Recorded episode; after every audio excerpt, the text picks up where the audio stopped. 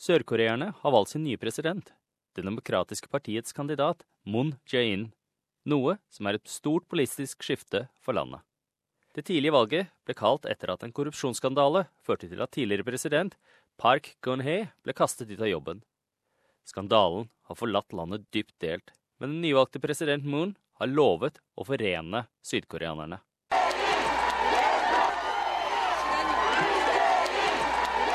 I den sørkoreanske hovedstaden Seoul jublet folkemengder til sin nye president Moon Jae-in idet han gikk gjennom et hav av mennesker for å gå på scenen for å gi sin seierstale.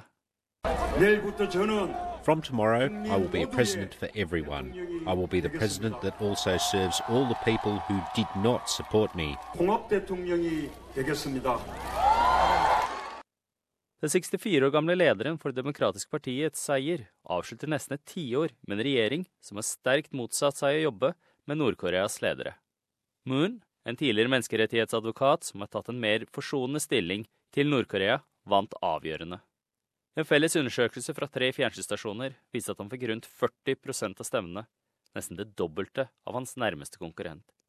Hong Yong-pyo, ansett som konservativ, avsluttet med rundt 23 og den uavhengige kandidaten An Cheol-soo landet på 22 Hung, kandidaten for Liberty Korea Party, aksepterte resultatet etter valgdagsmålinger forutså Moon Jae-ins seier.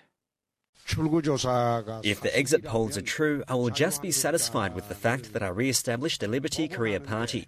I accept this time's election results and am satisfied with the re-establishment of the party. Thank you all. En tilhenger av Moon, 54 år gamle Moon Jang-gil, sier at han er begeistret over resultatet. I feel very, very good. I'm so glad that people made Moon Jae-in president. Now we have the right to have a great president like Moon Jae-in. En annen tilhenger, 26-årige Kwak Gi-yeon, sier valget av den nye presidenten har gjenopprettet hans tro.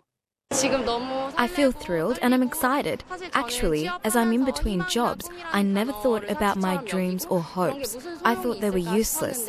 However, I saw what Moon Jae-in has done in this tough situation. So finally, I can dream of hope again. Moon Jae-in vil lede et land som fortsatt er dypt splittet etter at tidligere president Park Geun-hye ble fjernet. Hennes fengsling i 2016 var en kulminasjon over påstander om maktmisbruk, utpressing, bestikkelser og lekte statshemmeligheter, noe hun benekter. Men den nyvalgte presidenten insisterer på at han vil gjenopprette samling i Sør-Korea.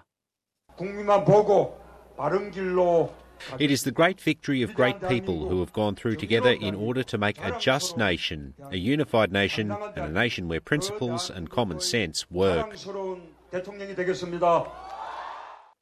Valget kommer blant rapporter om at Nord-Korea forbereder seg på enda en kjernefysisk prøvesprengning. Men Moons seier kan bety et skifte i holdningen mot eremitteriket idet han oppfordrer til dialog for å lette på spenningen. Noen kritikere anklager ham imidlertid for å være for myk i forhold til Nord-Korea. Og andre har spekulert om den nye presidentens posisjon til Nord-Korea kan legge et press på forholdet til USA. Moon hadde tidligere stilt spørsmålstegn ved USAs utplassering av et antimissilsystem i Sør-Korea, men en amerikansk offisiell sier at imens hans seier introduserer et volatilitetsnivå, kommer det ikke til å forandre alliansen betydelig. Denne saken var laget av Abby O'Brien på SBS norsk. Jeg er Frank Mathisen.